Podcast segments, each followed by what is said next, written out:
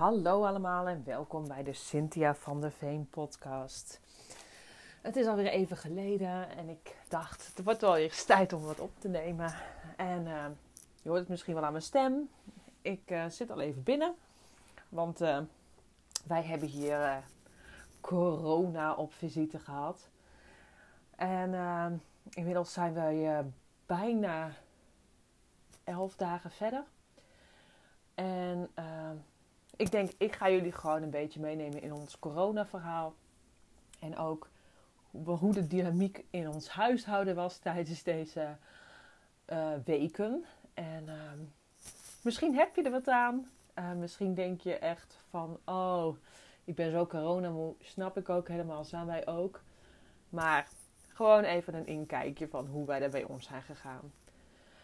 Nou ja, allereerst begon dus zo'n twee weken geleden. We hadden een weekend dat ik vrij had van het werk. En uh, we gingen op visite bij mensen. Dit is voor onze vakantie die we hadden ontmoet. De kinderen konden heel leuk met elkaar.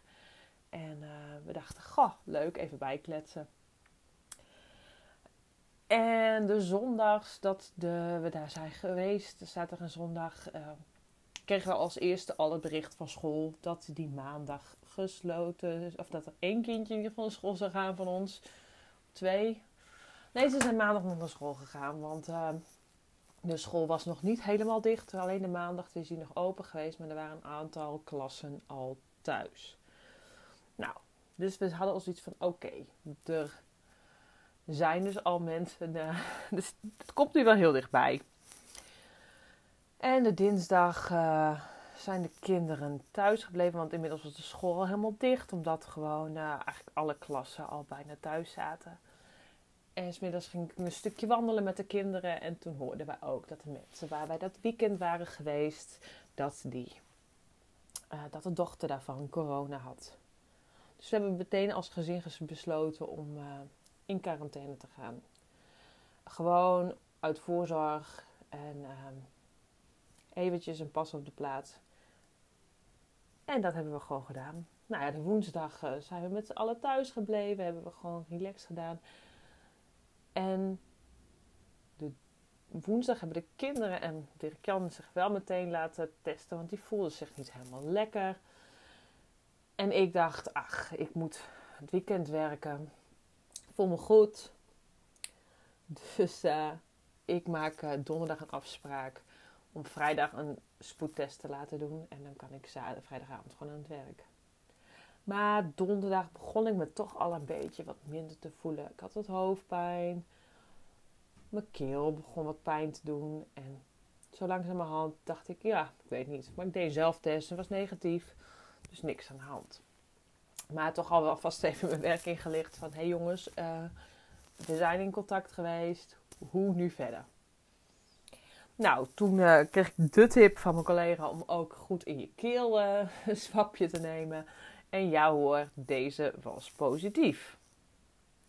Nou ja, op dat moment voelde ik nog echt hele milde klachten. En ik dacht, nou, als dit het is, gaat het allemaal helemaal goed komen. Maar s'avonds werd de hoofdpijn toch wel steeds erger. En uh, de volgende dag, de vrijdag, heb ik ongeveer 18 uur in bed gelegen. Ik kon gewoon helemaal niks. Mijn lijf deed pijn. Ik was moe, hoofdpijn met paracetamols uh, en een uh, beetje uh, etherische olie die mij echt even geholpen heeft dat ik weer even wat etenlust had, zodat ik even wat binnenkreeg. Maar nee, ik had gewoon, ik was gewoon geen mens. En ehm, nou ja, dat, dat was wel echt het hoogtepunt, maar daarna heeft het echt nog wel even doorgesluierd. En ik ben inmiddels dus nu meer dan een week verder. het is al dag 10 nu. En ik uh, ben vandaag voor het eerst een blokje om buiten geweest. Um, nou, dat voelde wel heel goed. Ik heb nu minder hoofdpijn. Ik snotte nog wel wat. Je hoort het nog een beetje aan mijn stem. Maar, en ik heb nog een kuchje. Maar zo langzamerhand kan ik zeggen dat ik toch echt wel aan de betere hand ben.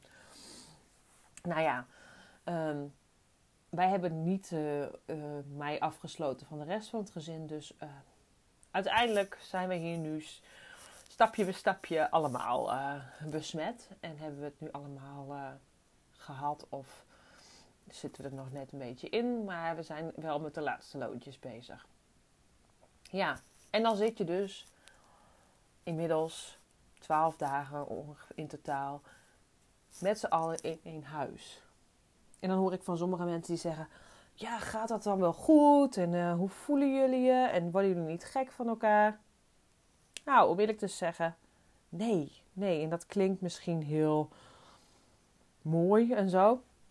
Maar uh, dat was het eigenlijk ook wel. Het voelde wel een beetje als onze eigen bunker. Uh, want ja, je moet van alles gaan regelen. En je moet ervoor zorgen dat je niet gek wordt van elkaar.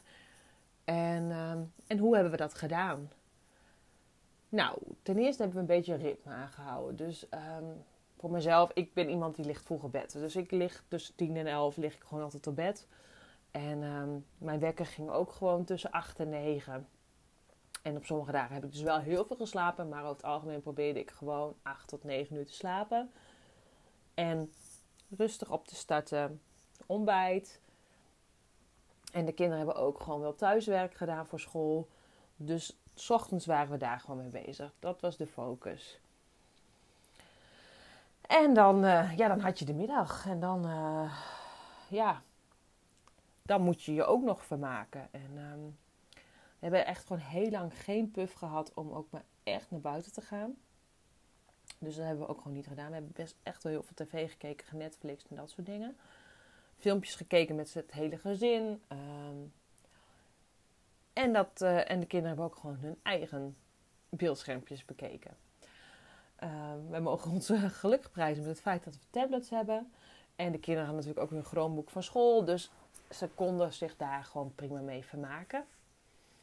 En mijn man en zoon die zijn beide heel erg van het gamen. Dus die hebben lekker zitten Fortnite. En um, op een bepaald moment merkte ik wel, vooral Thijs, die kan heel goed Fortnite en het liefst uren achter elkaar. Maar wordt op een bepaald moment gewoon gefrustreerd ervan. Want dan wordt hij niet eerste of dan is hij boos en dan horen we hem door het huis. Dus ja, daar moesten we wat mee. Want A, hij kan gewoon niet meer dan vier uur per dag gewoon gamen. Word je niet gelukkig van. Is gewoon niet goed voor het brein. En we kijken natuurlijk al best wel veel uh, beeldschermpjes.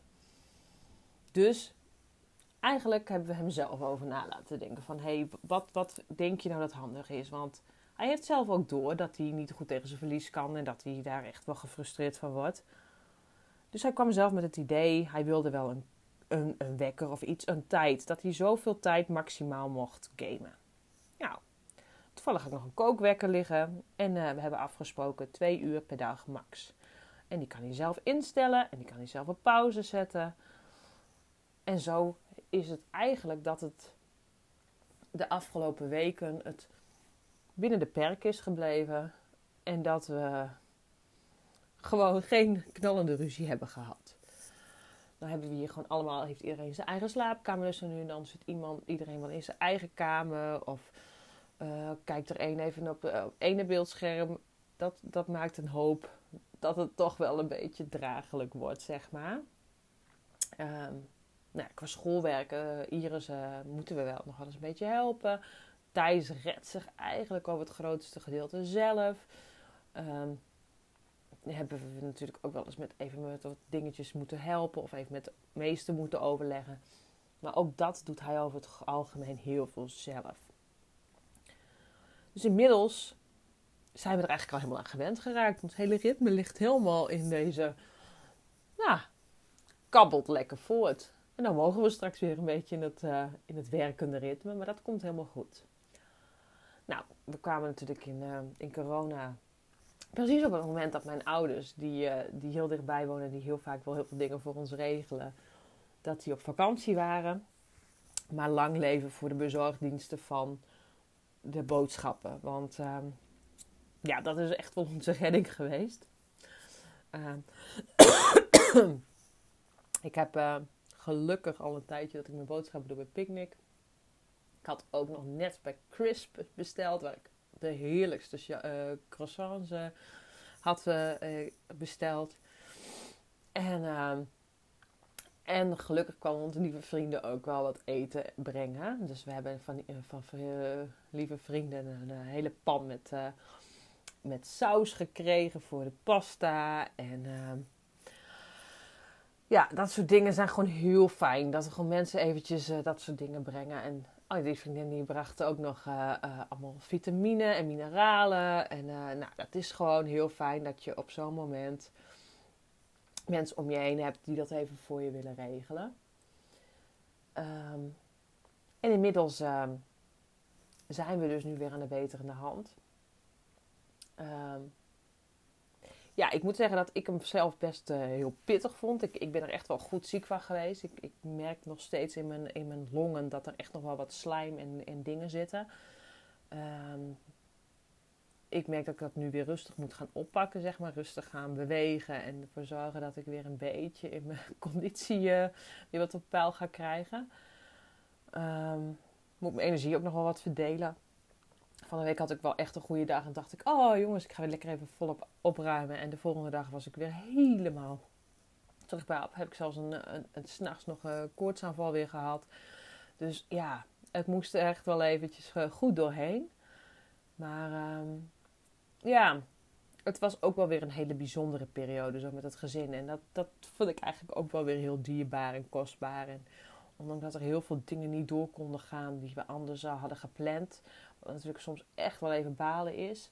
Maar um, ja, het is ook wel weer even heel goed voor ons als gezin. En, uh, en we nemen er maar uh, ons lering van. Van hé, hey, dat was een fijn moment met z'n allen. Dus um, we gaan nu weer in een, kleine stapjes weer de goede kant op. En een stijgende lijn uh, gaan we weer werken dat we weer wat conditie krijgen. En dat we weer fitter zijn.